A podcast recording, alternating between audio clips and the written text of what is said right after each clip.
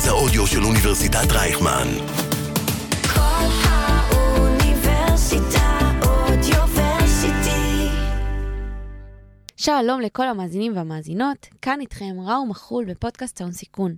והפעם אנחנו מארחים את עורכת הדין מאיה יששכרוב, ראש מחלקת קרנות ההון סיכון במשרד עמית פולק מטלון, שנחשב לאחד מהמשרדים המובילים בישראל בתחום ההייטק, וקרנות ההון סיכון, ה private equity, חוב, נדל"ן, תשתיות, secondary, fund of fund וגידור.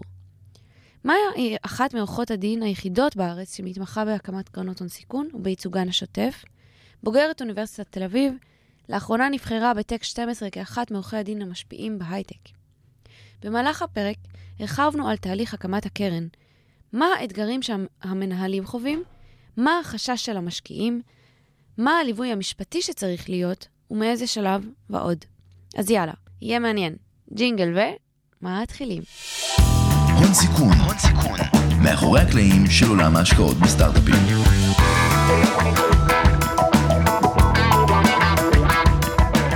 שלום, מאיה, מה שלומך? שלום ראווה, איזה כיף שהזמנתם אותי. איזה כיף שבאת. אה, אז ספרי לנו קצת עלייך, מי את? אה, אז אני מאיה יששכרוב, ואני מומחית בהקמת קרנות השקעה, שותפה וראש תחום הקמת קרנות בעמית פולק מטלון, פירמת עורכי דין. קורות החיים שלי קצרים כאלה, אין לי הרבה שורות. הצטרפתי לעמית פולק מטלון בשנת 2000, ומאז אני שם, עוסקת בהקמת קרנות כבר uh, כמעט 23 שנים. אוקיי, אוקיי. אה, בואי נחזור קצת לפני. אז קצת לפני, לפני שהצטרפתי לעמית פולק מטלון, עשיתי תואר במשפטים באוניברסיטת תל אביב. אה, כמובן עשיתי מבחני לשכה בישראל וגם בניו יורק, ואז הצטרפתי לעמית פולק מטלון.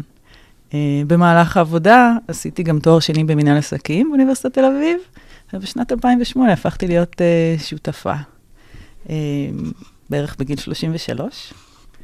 ובתחילת הדרך, אה, זאת אומרת, אני חלק ממחלקת ההייטק, אה, שיש בה מעל 50 עורכי דין, אה, ובתחילת הדרך עשיתי גם את הדברים שעושים במחלקת ההייטק באופן אה, רגיל, כמו אה, ייצוג של קרנות בהשקעות, ייצוג של חברות, אה, M&A's, אה, אבל די מהר הבנתי שמה שאני אוהבת זה להקים קרנות.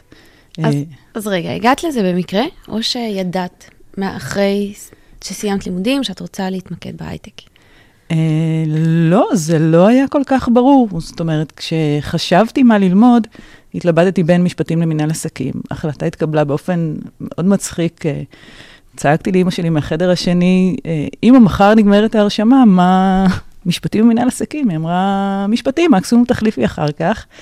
אז ידעתי שאני רוצה לעשות משפטים ומשהו ב- בהקשר עסקי, אה, אבל זה לא כל כך מה שקרה בהתמחות שלי. Uh, התמחיתי במשרד קטן, הציונים שלי לא היו להיט, לא היה לי הרבה זמן בין הלימודים לבין, uh, לבין, uh, זאת אומרת, בין הצבא לבין הלימודים, בערך שלושה שבועות שביליתי בתאילנד.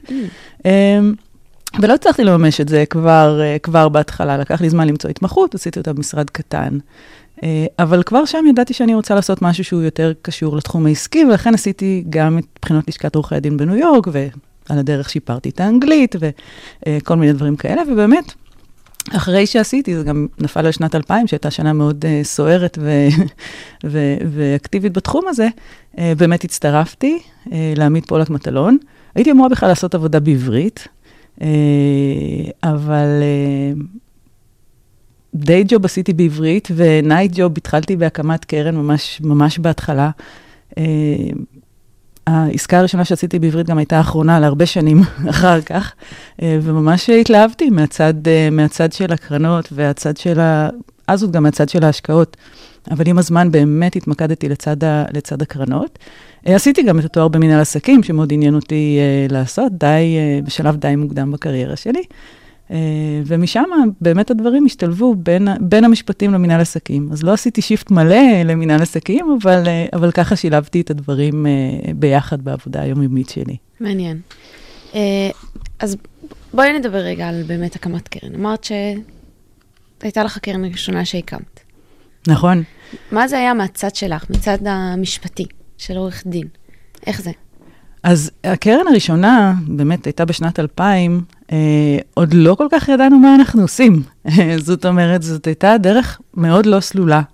היה ממש לא ברור מה התהליך, איך עושים את זה ומה עושים, ובאמת, באמת, במשך הרבה שנים אה, סללנו את הדרך כדי להבין מה עושים, איך עושים את התהליך, איך עושים אותו בצורה אה, הכי יעילה, איך מפרקים אותו לשלבים הנכונים, אה, איך דוחסים אותו אה, הכי, כדי, כדי לסיים אותו הכי מהר, כי זה מה שאנחנו רוצים בשביל הלקוחות שלנו, להגיע מנקודה א' לנקודה ב' כמה שיותר מהר והכי טוב.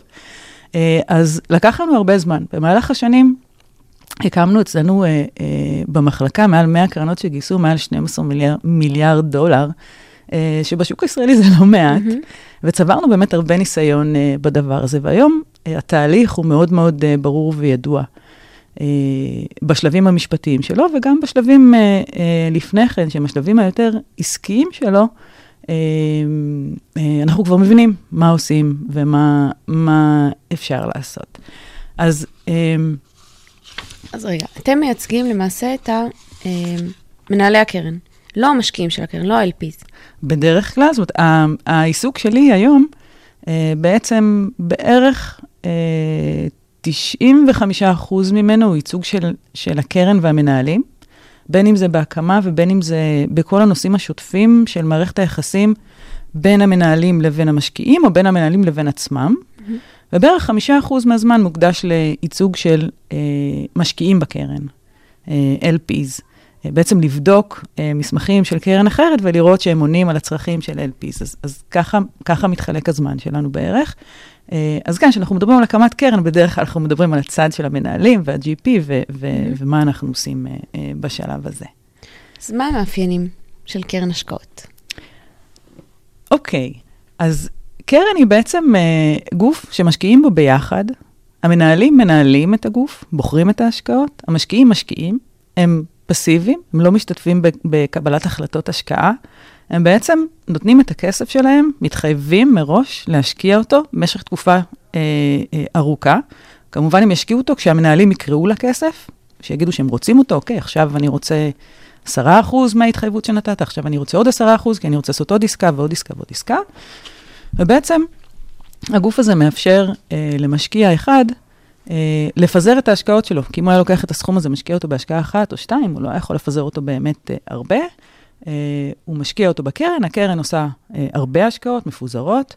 אה, המנהלים מקבלים את החלטות ההשקעה, המשקיע בעצם בשלב הזה אה, פטור, מ, פטור מלדאוג לדברים האלה. אה, ובעצם הקרן פועלת לתקופה קצובה, נגיד 7, 8, 9, 10 שנים. משקיעה בתחום מסוים שקובעים אותו מראש, בגיאוגרפיה מסוימת, בשלבים מסוימים, בתחומים מסוימים. אה, ובתקופה הקצובה הזאת בעצם מצופה מהמנהלים של הקרן להשקיע את הכסף, להשביח את החברות, למכור אותן ולהרוויח הרבה כסף למשקיעים.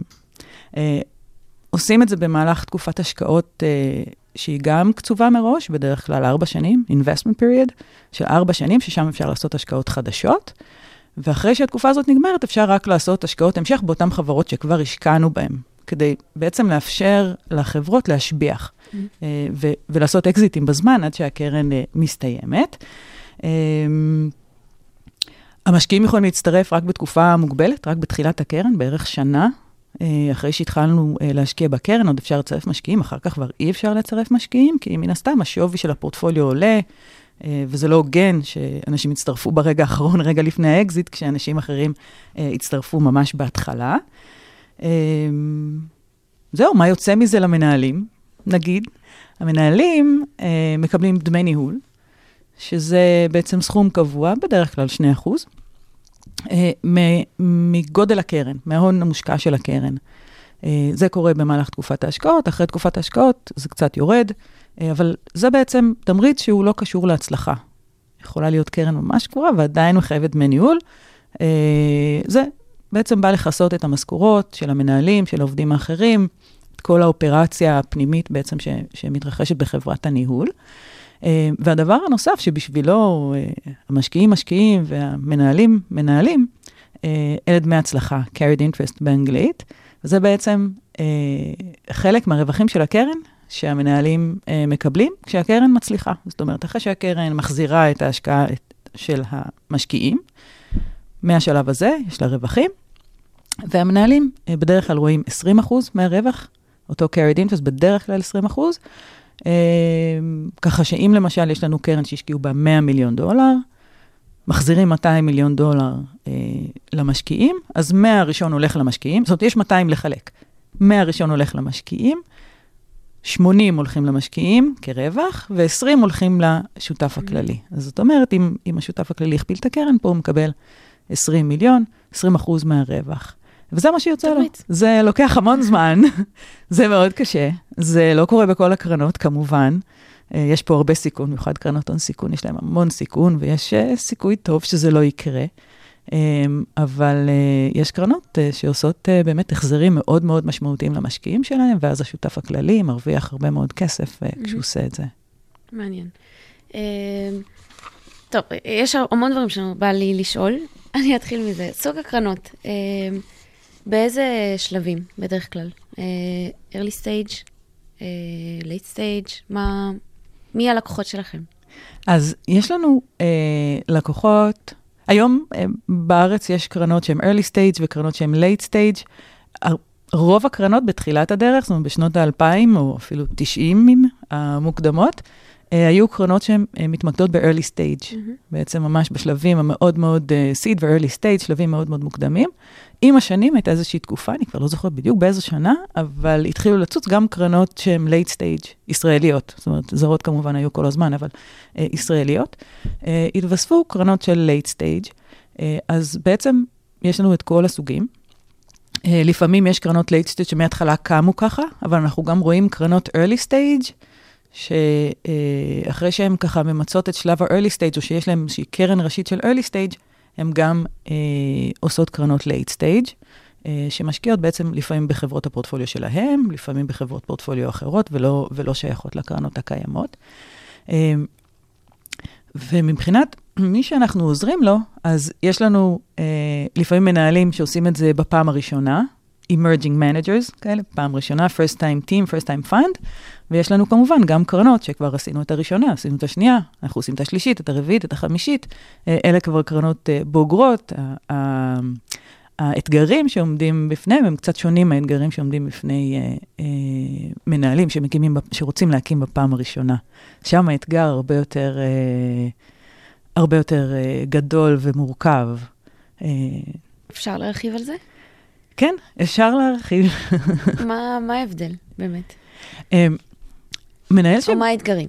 מנהל שעושה את זה בפעם הראשונה, הוא בעצם, קודם כל צריך להחליט באיזה תחום הוא יכול לתת ערך מוסף. יש לו ידע או ניסיון או תוצאות מהעבר שהוא יכול אה, לתת בהם איזשהו ערך. למשל, אנחנו רואים אה, מפקדים בצבא אה, שעשו סייבר או עשו AI ופותחים אה, קרן, או יזמים שעשו כבר אקזיטים בתחום מסוים ויש להם את הניסיון הניהולי ואת הניסיון היזמי. אה, אה, מחליטים שהם יכולים לתת ערך. אה, אז למצוא קודם כל את התחום שבו אתה יכול לתת ערך. למצוא את ההזדמנות בשוק. זאת אומרת, זה גם זה לא טריוויאלי. אותן קרנות late stage שבעצם גילו שיש חוסר בכסף בתחום ה late stage בישראל והחליטו להקים קרנות כאלה. או אנשים שהחליטו להקים בטיימינג ובזמן הנכון קרנות של climate או של פודטק, אז באמת למצוא את ההזדמנות, להסביר, להיות מסוגל להסביר את, ה- את ההזדמנות הזאת. אז, אז הדבר הראשון, באמת להחליט איזו קרן אתה רוצה להקים ומה אתה יכול לתרום ב- ב- בקונטקסט הזה. לקבוע את המנדט של ההשקעה, לקבוע מודל, לתקף אותו, לראות שזה עובד, לראות ש- ש- it makes sense. סתם למשל דוגמה, אם אתה רוצה להשקיע בקרן שנותנת uh, הלוואות, מובטחות uh, uh, senior loans, ומה שאתה יכול לקבל זה ריבית של חמישה אחוז. אתה לא תפתח, לא יכול לפתוח קרן בשביל זה, כי אין מספיק החזרים ואין מספיק, אין פה מספיק רווח כדי לתמוך בזה שאתה גם תיקח 20 אחוז מתוכו. אז צריך לראות שהמודל עובד. לא תוכל להקים קרן late stage אם אתה חושב שאתה יכול לגייס 10 מיליון דולר בלבד, אוקיי? זאת אומרת, צריך להיות איזושהי התאמה למודל, ולראות שהדבר הזה אה, נארז טוב בשביל המשקיעים.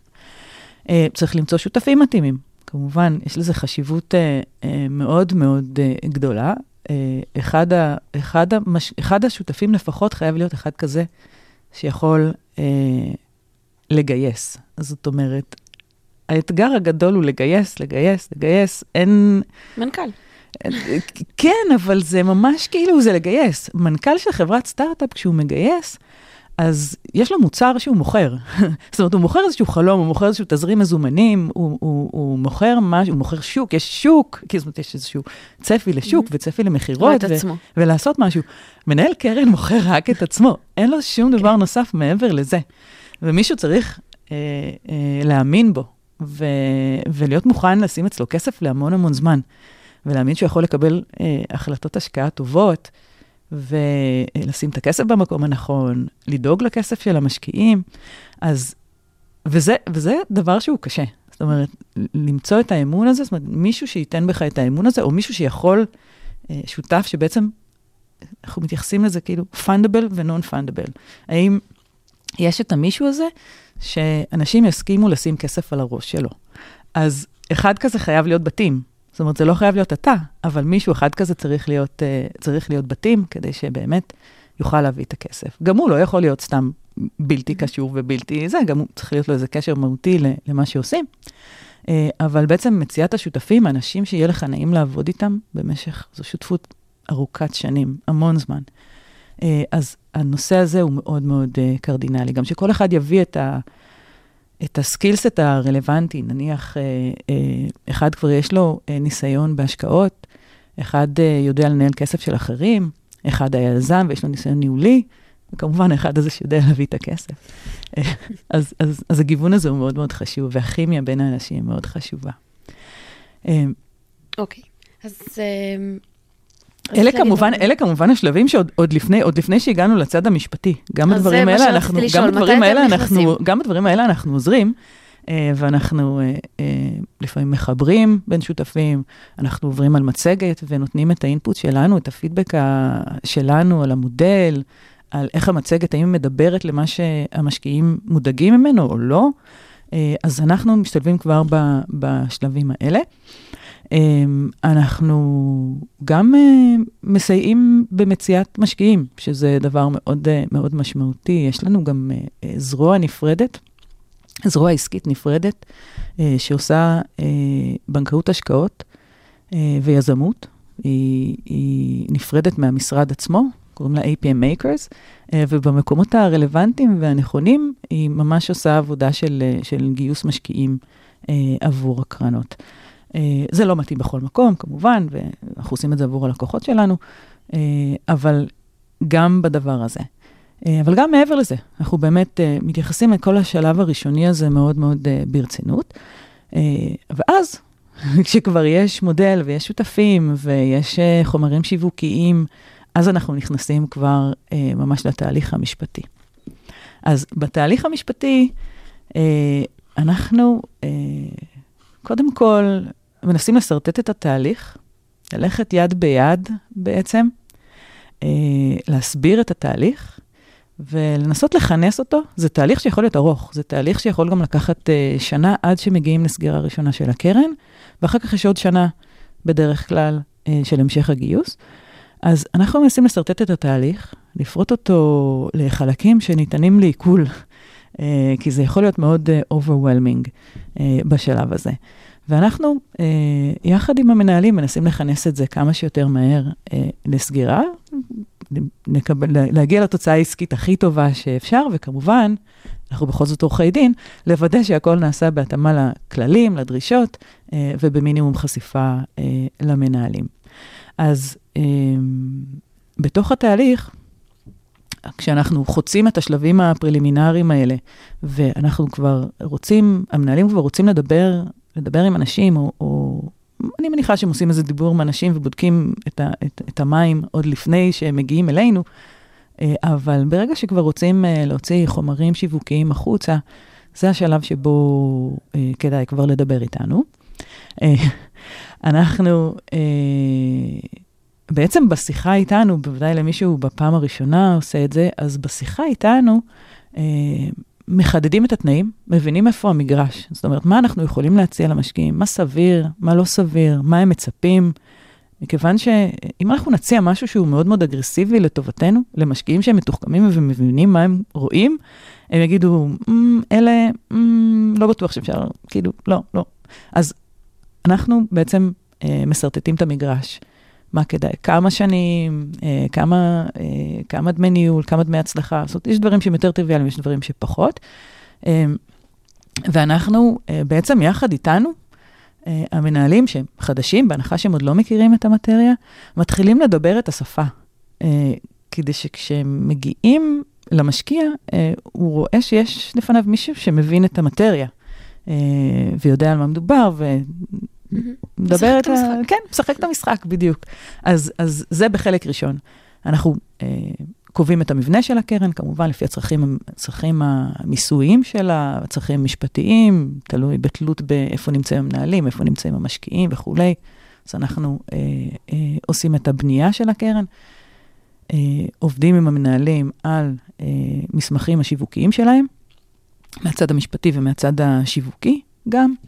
למה? אה, מה זה אומר?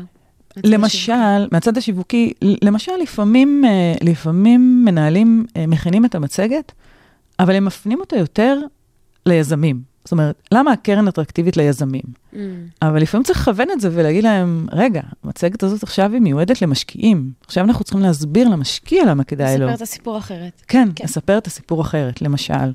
או דברים שנראים עובדים פחות במודל, או לפעמים אה, נוטים קצת להגזים במצגת, לצורך השיווק, כן. אבל זה כבר מסמך אה, משפטי שיש לו משמעות. אה, אז אנחנו שם כדי לפעמים ככה לעדן את, ה, את המילים, להוריד את החשיפות. יש כל מיני disclaimers שצריך לשים בתוך, ה, בתוך המצגת כשפונים למשקיעים, כי אסור לפנות סתם לכל אחד.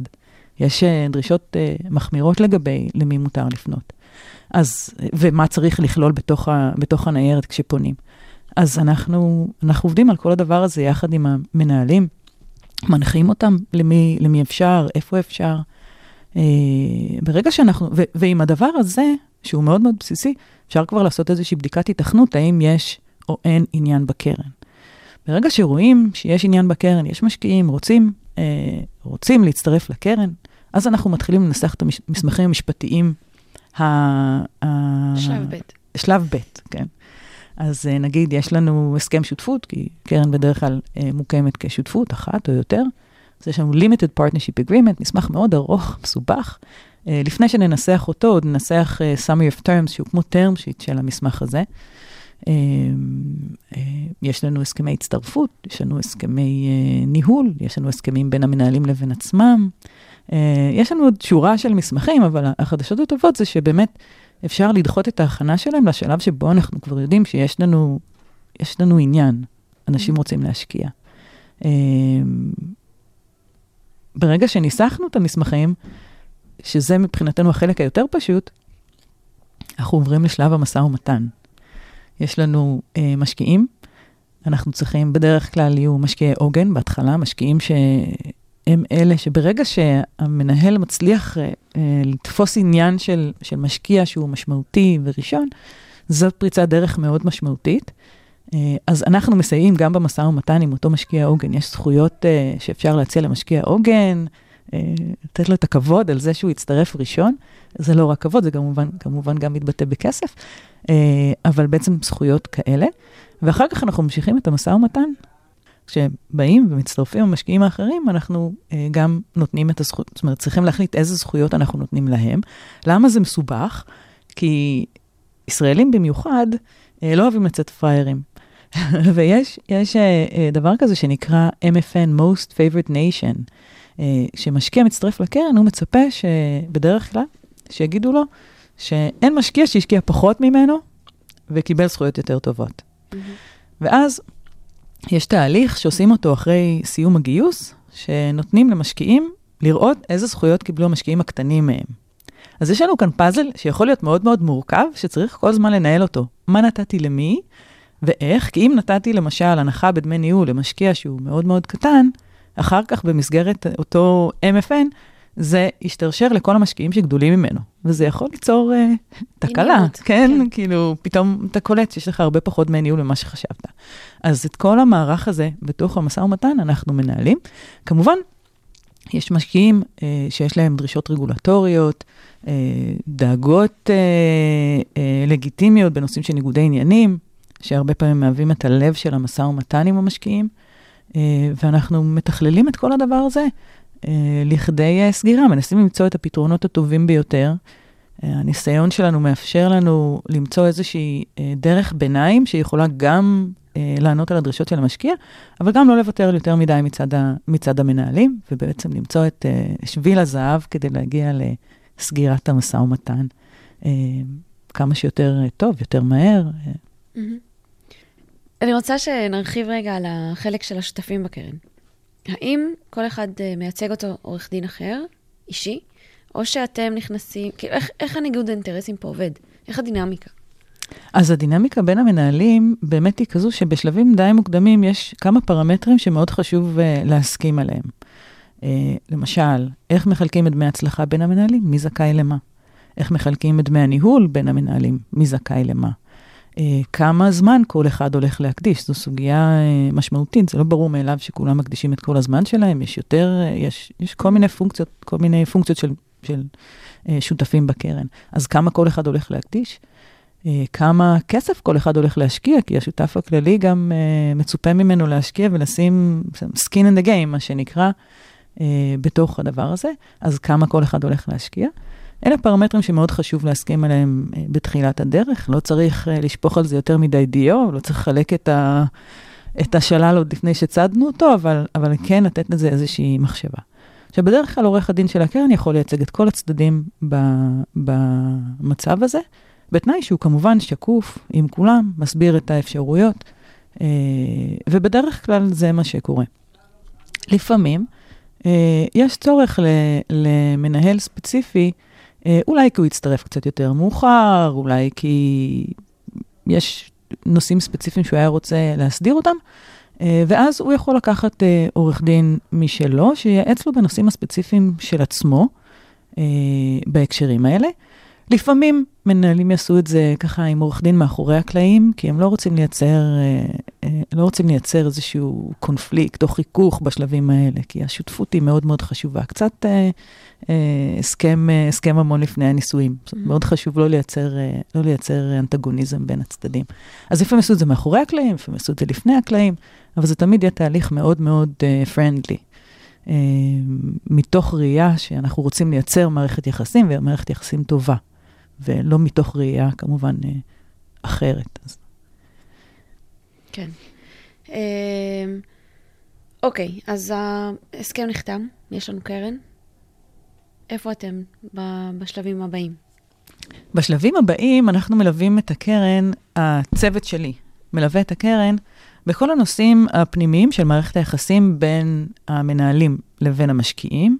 זאת אומרת, מה החובות של המנהלים כלפי הקרן, כלפי השותפים המוגבלים, מה הם צריכים לעשות, מה החובות של השותפים המוגבלים, לפעמים יש שאלות איך אנחנו מצרפים משקיע נוסף, איך אנחנו, אה, איך אנחנו, האם מותר לנו להשקיע ב, בחברה כזאת או אחרת, אם זה כן נכנס למנדט, לא נכנס למנדט, אם אנחנו צריכים אישורים מיוחדים. אה, אנחנו רוצים להקים את הקרן הבאה שלנו, האם אנחנו כבר יכולים או לא יכולים, זאת אומרת, כל הייעוץ הזה שהוא מערכת היחסים הפנימית. אה, אנחנו מכסים אותו. צוותים אחרים, שהם צוותי ההייטק הרגילים, כמובן מסייעים לקרן בפעילות ההשקעות שלה. אה, כשהקרן אה, עושה אקזיט, כמובן, אנחנו מלווים מה, מה צריך, מה מותר, מה, איפה, איך מחלקים, מה נדרש. וכולי. כשהקרן מתפרקת, אנחנו גם מסייעים בדבר הזה, איך נפטרים מכל ההשקעות, מה עושים איתם. אם נשאר עוד משהו, אם נשארו עוד החזקות, מחלקים. אז אנחנו מלווים בעצם אה, את כל התהליך הזה. אה, בצוותים העסקיים שלנו גם בדרך כלל אה, אה, יפנו הזדמנויות השקעה לקרן ויסייעו בנושאים שקשורים לדיל פלואו. כל הנושא של מערכות היחסים בין המנהלים לבין עצמם, לפעמים יש קצת חיכוך, לפעמים יש קצת אי הסכמה. אנחנו לפעמים ניכנס גם לשם וננסה לעזור בדברים האלה. מניסיון, קרן עם יותר שותפים היא יותר טובה מקרן עם פחות שותפים, או הפוך? מה, מה המספר האידיאלי? אוקיי, okay. אז אני חושבת שיש די קונצנזוס שאחד זה לא המספר הנכון. Uh, למרות שיש גם קרנות כאלה, אבל מאוד חשוב להתאים את גודל הצוות לגודל הקרן. זאת אומרת, uh, קרן שעושה first time ו- ומעריכה שיש לה יכולת לגייס 20 מיליון דולר, היא לא יכולה להחזיק בתוכה יותר מ... לא יודעת, שלושה שותפים? מצד אחד, אוקיי? מצד שני, אה, קרן שכן יש לה יכולת לגייס יותר כסף, רוצה להשקיע בשלבים יותר מאוחרים, לא יכולה לגדול בלי, בלי uh, בקרה, כי גם יש uh, כמות של כסף שמקובל לחשוב שכל מנהל יכול לנהל. כי צריך לשבת בבורדים, צריך לעקוב אחרי מה שקורה, צריך לתת attention, צריך לתת value, צריך המון, המון דברים עם חברות הפורטפוליו. אז אני חושבת ששניים, שלושה uh, מנהלים, זה דבר טוב להתחיל איתו. מעבר לזה, זה כבר קצת, uh, קצת גדול. מהמם. וזה יותר מסובך מן הסתם. יותר מסובך, מערכות היחסים יותר מורכבות, יש פחות uh, לכל אחד מהעוגה, פחות אינטרס לכל אחד uh, לתת את כל מה שיש לו בשביל, uh, בשביל, uh, בשביל לעשות, זה כמובן לא בלתי אפשרי, אבל זה בהחלט משהו לשקול אותו. אבל שניים, שלושה, אני חושבת שזה, כן. שזה המספר. נשמח שנדבר קצת על גיוס כסף לקרנות בשנת 2021, שנת 2023. וואו. אז 2021 הייתה שנה שאני לא חושבת שאפילו תוך כדי השנה, כל כך נאנקנו ותחת ה... תחת העול, ולא הבנו באמת מה קורה. רק בדיעבד הבנו איזה בום משוגע זה היה, אה, ועד כמה הוא חריג. אה, אנחנו בשנה הזאת הקמנו אה, 12 קרנות, וואו. אה, ואני חושבת שהיו עוד שש קרנות בערך שהיו, ב, שהיו ב, עדיין בגיוס, זאת אומרת, כבר עשו את הסגירה הראשונה שלהם לפני כן, אבל עוד היו בגיוס. אה, וזה המון, כאילו זה המון ביחס לכל, אה, לכל אה, שנה. אה, זה כמובן היה המון בשוק בישראל, זאת אומרת, כמה שגייסו בישראל היה המון ביחס לכל אה, שנה אחרת, וכמובן גם בארצות הברית ובעולם. אה, בשנת 2022 ראינו ירידה, זאת אומרת, ראינו את אותן 12 קרנות שגייסו אה, סגירה ראשונה ב-2021, עוד המשיכו לגייס ב-2022. אה, היו עוד מספר קרנות שעשו סגירה ראשונה ב-2022, אבל זה כבר לא היה 2021. אה, ו-2023 אה, היא להיט. אני צוחקת כמובן, 2023 היא שנה אה, הרבה יותר מורכבת. אה, כבר ראינו, אני מספיק, אה, מספיק זקנה שכבר ראיתי את הסייקלים האלה בתעשייה, אה, זאת לפחות הפעם השלישית שלי. אז כן, זו שנה הרבה יותר רגועה, הרבה פחות גיוסים חדשים, משקיעים יושבים על הגדר. המקרו-כלכלה, אני מניחה שמטרידה אותם, אלה השקעות לטווח מאוד מאוד ארוך. אני חושבת שאנשים היום פוחדים לשים את הכסף שלהם בפיקדון ליותר משלושה חודשים, רק מחוסר ודאות של מה יקרה. אז, אה, אז זה משפיע. זה משפיע, אה, זה משפיע על הקרנות, על גיוסי הקרנות, זה משפיע גם על גיוסים של החברות. אה, יש הרבה כסף בקרנות, זאת אומרת, הקרנות גייסו המון כסף, הן עדיין לא ששות להשקיע אותו. אנחנו רואים את המספרים כבר ברמת החברות, יורדים בצורה דרמטית. מחכים, בעיקר יושבים על הגדר בשלב הזה, לראות מה קורה, לאן נתפתח. אה, ומשברים קודמים שעברת, שנים אה, תחילת 2000. אז המשברים האלה בעצם מתאפיין, מתאפיינים בזה שלוקח קצת זמן, ההשקעות יורדות, זה נכנס לאיזשהו מוד שיש מעט מאוד קורה בזמן הזה, תקופה של איזה שנה, קצת יותר, כמעט לא קורה כלום. אה, ואחר כך לאט לאט רואים את זה מתחיל אה, לצמוח, עם אלה שיש להם איזושהי תעוזה והעזה לנסות אה, אה, לעשות דברים, אה, ולאט לאט it's picking up again. אז מחזורים כאלה, זה לוקח זמן, אבל יש תקווה. תמיד. מה מטריד את המשקיע בקרן? וואו, לא מעט דברים. והם מתחלקים לשניים. אחד זה הצד העסקי, כמובן להבין מה מנדט ההשקעות, במה הקרן משקיעה, מה ההזדמנות, להבין שזאת, שיש הזדמנות טובה להשקיע, כמובן המנהלים, מי הם, uh, לראות שבאמת, כמו שדיברנו קודם, יש קבוצה uh, טובה של מנהלים uh, שמתאימים אחד לשני, שיודעים לעבוד ביחד. משקיע רוצה לדעת שהמודל עובד טוב, תהיה לו תשואה אה, הגיונית, רוצה למקסם את הכלכלה שלו, לשלם כמה שפחות דמי ניהול, כמה שפחות דמי עד כמה שאפשר. זה בצד העסקי.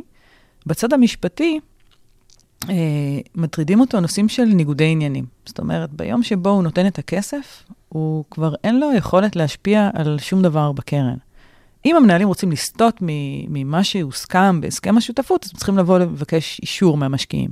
אבל כל עוד הם לא סוטים והם עושים מה שכתוב בהסכם, הם עושים מה שהם, אה, מה שהם יודעים לעשות, ו- והם לא שואלים אף אחד.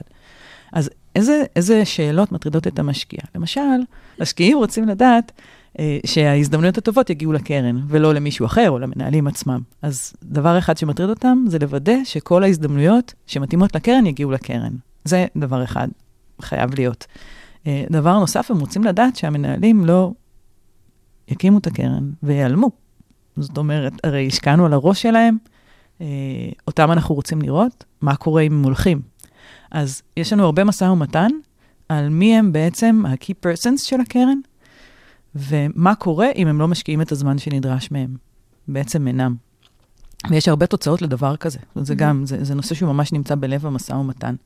במיוחד עם מנהלים שהם uh, בכירים או עסוקים, או יש להם הרבה עיסוקים אחרים, והם מאוד חוששים ש, שילכו למקום אחר. Uh, הנושא הנוסף זה מתי אפשר להקים קרן אחרת. שוב, המשקיעים אומרים, אוקיי, הקמנו את הקרן הזאתי, עכשיו uh, זה, פתאום החליטו שהם רוצים להקים משהו אחר, uh, uh, המנהלים. או, או, שוב, זה הנושא של ה-attention והפניית הזדמנויות השקעה, אז בכל הסכם אנחנו נמצא איזושהי מגבלה ליכולת להקים קרנות אחרות. מתי מותר, מתי אסור. אמ, דבר נוסף שהמנהלים, אה, שהמשקיעים רוצים לראות, זה שהמנהלים לא משקיעים בהשקעות של עצמם. זאת אומרת, נניח אה, מנהל הוא יזם בחברה מסוימת, או שהוא השקיע כבר קודם בחברה מסוימת, אם הקרן תשקיע בחברה הזאת, יכול להיות שזאת הזדמנות מצוינת, אבל גם יכול להיות שזורקים כסף טוב אחרי כסף רע. אז גם הנקודה הזאת היא נקודה שהיא מאוד חשובה למשקיעים, וגם היא נמצאת בתוך המשא ומתן, משקיעים מצפים אה, לראות אותה. דבר נוסף, הם רוצים לראות שגם המנהלים אה, שמים skin in the game. למה? כי אם, אם המנהלים יכולים רק להרוויח מהקרן, זאת אומרת, רק דמי ניהול ו-20% דמי הצלחה, הם עלולים לקחת סיכונים מאוד מאוד גבוהים. אבל אם הם גם עלולים להפסיד את הכסף של עצמם, אז זה אה, עושה איזשהו alignment של האינטרסים בצורה יותר טובה. זאת אומרת, הם גם מפחדים להפסיד, כמו שהמשקיע מפחד להפסיד את הכסף שלו. ולכן המשקיעים מאוד רוצים לראות גם את המנהלים מכניסים איזשהו סכום של כסף. יש לנו גם, אה, אם המשקיעים שלנו הם משקיעים אסטרטגיים, ולא רק פיננסים, אז יש להם עוד דברים ש, שמטרידים אותם, וזה מה יהיה התמריץ או התועלת האסטרטגית שלהם מהשקעה בקרן. אנחנו רואים הרבה קרנות, בגלל שישראל היא האב של, של טכנולוגיה ושל חדשנות, אנחנו רואים הרבה חברות שלא מסוגלות ממש להקים פה מרכז R&D, לשלוח לפה אנשים, או לא מעוניינות או לא רוצות, אבל אה, השקעה בקרן יכולה להוות עבורם איזושהי הצצה לתוך האקוסיסטם. מה קורה, מה, מה הטכנולוגיות, ומה קורה, ומה, ומה מתחדש. יכול להיות גם אפשרות אה, ליצירת שיתופי פעולה עם חברות פורטפוליו של הקרן, או בכלל באקוסיסטם. אז משקיע אסטרטגי מאוד היה רוצה גם לקבל זכויות אסטרטגיות כשהוא משקיע בקרן. אה, וזה אחד הבנפיט שאפשר אה, להציע לו, אבל מן הסתם, משקיע אסטרטגי, חלק גדול מהמשא ומתן יהיה אה, גם על הנושאים האלה. Mm-hmm. אז אנחנו בתוך, בתוך מסמכי הקרן, כמובן משתדלים לתת מענה לכל הנושאים האלה, של ניגודי עניינים, כמובן לכלכלה ואיך הם מסדרים אותה. יש מכתבי צד בתוך ה... מעבר למסמכים הראשיים שכולם רואים, מכתבי צד שנותנים זכויות ספציפיות למשקיעים ספציפיים. אז אנחנו מנהלים גם את כל מערך היחסים הספציפי עם אותו משקיע בתוך מכתב הצעד שלו, ועונים לו על שאלות שהן אה, נוספות, או שאלות מעבר שמטרידות אותו, זכויות שהוא רוצה לקבל מעבר, ואפשר לתת אותן. וכמובן, אנחנו תמיד זוכרים את אותו נושא MFN שקיים, אה, ובעצם אה, מסדרים את הפאזל בהתאמה, כדי לזכור שאם נתנו לאחד, אנחנו נצטרך לתת לאחרים וכל זה. ומה אם אותו משקיע ירצה להשקיע בעוד קרנות? הכסף שלו. אין בעיה. המשקיע לא מחויב לקרן. אתם צריכים לדעת על זה? לא. לא, המשקיע לא מחויב בשום צורה לקרן, הוא פסיבי לחלוטין. אם זה קרנות מתחרות, לא קשור. אין בעיה, מותר לו לעשות מה שהוא רוצה. למנהלים, אסור. מנהלים okay. אוקיי. צריכים לתת את הזמן שלהם והאטנשן שלהם ולהיות בתוך הקרן, אלא אם מותר להם דברים ספציפיים בתוך המסמכים של הקרן. Mm-hmm.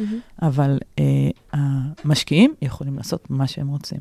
זאת, זאת השקעה פסיבית, הם לא משתתפים בניהול של הקרן, מותר להם לעשות מה שהם רוצים. מה שאסור להם לעשות זה למשל, אם משקיע אסטרטגי מקבל זכויות אסטרטגיות בקרן, אז אנחנו נצפה ממנו שלא אה, אה, יתחרה עם הקרן ב, בהזדמנויות השקעה, או בכלל, אם משקיע מקבל אה, מידע על הזדמנות השקעה של הקרן, אנחנו מצפים שהוא לא ילך ויקח את המידע הזה וישתמש בו אה, כדי להתחרות בקרן ו, ולעקוף אותה, או, או, או כמובן יש לו התחייבויות סודיות אה, כלפי הקרן. אבל מעבר לזה, להשקיע במה שהוא רוצה, בקרנות אחרות, לעשות השקעות ישירות, הוא לגמרי חופשי לעשות את זה. אז רגע, לקראת uh, סיום, אנחנו נגענו בהמון נושאים. Uh, עיקר ההתמחות שלך זה הקמת קרן. הבנו איך הדינמיקה בין המנהלים עצמם בתוך הקרן, uh, מה הדינמיקה בין המשקיעים למנהלים. אז רגע, אם עכשיו אני רוצה להקים קרן, באיזה שלב אני פונה אלייך? אמ, את צריכה לעשות איזושהי עבודה עם עצמך, להבין באמת איפה ה-value, איזה קרן את רוצה להקים, מה את יכולה לתת, איפה ההזדמנות, אה, ולסדר בראש את ה... את, את המצ... לסדר במצגת, את המצגת נניח, Mm-hmm. שלב כזה של, של התבשלות, זה שלב טוב. לעשות איזה שהן שיחות ראשוניות עם אנשים קרובים כדי לראות שיש איזושהי תכנות לדבר הזה. אה, ובשלב שבו את באמת רוצה לצאת כבר החוצה, לדבר עם משקיעים בצורה, שזה כבר לא ה- ממש המעגל ה- ה- הראשוני והראשון, ולתת כבר משהו יותר מבושל, זה השלב שבו כדאי שנדבר. אז אנחנו אה, נותן, נותנים פידבק על אה, החומרים השיווקיים, המצגת, המודל, אה, מסייעים הצוות. באסטרטגיה, באסטרטגיה של הגיוס, הצוות, אם צריך לחבר לשותפים אה, נוספים. אלה דברים שאנחנו עוזרים, עוזרים בהם ומסייעים בהם. אה, וכמובן, אה, אנחנו עושים את השלב המשפטי הראשון של לייצר את אותו summary of terms אה, יחד עם המצגת, שאותו אפשר לבדוק התכנות ולראות שדברים עובדים. כאילו שיש משהו שרוצים. זה אה, שלב שהוא מאוד מאוד קצר בצד המשפטי, בצד של הכנת הנערת הזאת, היא לא ארוכה. אבל היא בעצם מציידת את, ה, את המנהל ביכולת ללכת ולבדוק, ו, ולבדוק התכנות של הדבר הזה.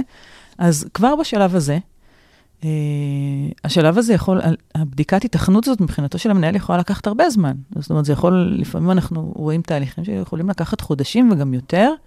אה, כל אחד לפי, ה, לפי האורך רוח והיכולת שלו. אה, בשלבים האלה שומעים הרבה מאוד לא. אה, היכולת הזאת לקבל את הלא ולהמשיך אה, ו- ולעשות אה, ולהיות מאוד מאוד נחושים, יש לה משמעות גדולה מאוד ביכולת להצליח. אנחנו, יש לנו קרנות שגייסו במשך שנתיים, אבל בסוף גייסו ו- ולקחו את הכסף. יש לנו קרנות שחלקם היו פה בפודקאסט וחלקם מאוד מוצלחות. שישבו אצלנו בחדר הישיבות ושאלו את עצמם, אוקיי, נתחיל ב-13 מיליון דולר או שנחכה? אה, והם עשו דברים מדהימים מאז. אה, אז, אז זה תהליך קשה וארוך, אבל אה, אנחנו באיזושהי עזרה מאוד מאוד אה, אה, ממוקדת בתחילת הדרך, כבר יכולים לתת הרבה מאוד ערך. אה, ואחר כך, כמובן, אנחנו נכנסים ל-heavy duty של השלבים המשפטיים, של ברגע שבאמת יש משקיעים לנהל איתם משא ומתן, אנחנו כבר נכנסים לשלבים המשפטיים, מסייעים בהרבה מאוד uh, היבטים, אני לא רוצה להלאות, אבל בהרבה מאוד היבטים שיש בתוך הפרויקט הזה, מכסים אותו מכל הכיוונים, וכמו שאמרנו, מביאים אותו לסגירה uh, כמה שיותר מהר. אז, uh, אז uh, להגיע אלינו קצת מבושלים, כבר, לא לגמרי לא מבושלים, אבל לא יותר מדי אה, אה, שלבים קדימה, כן? מהמם. כי אנחנו יכולים לעזור כבר בשלבים הראשונים, וגם יש פאולים שאפשר לעשות בשלבים הראשונים שעדיף להימנע מהם. עורכת דין מאיה, תודה רבה רבה רבה. היה מרתק. תודה רבה, מאוד נהניתי. מאחורי הקלעים. של עולם ההשקעות בסטארט-אפים.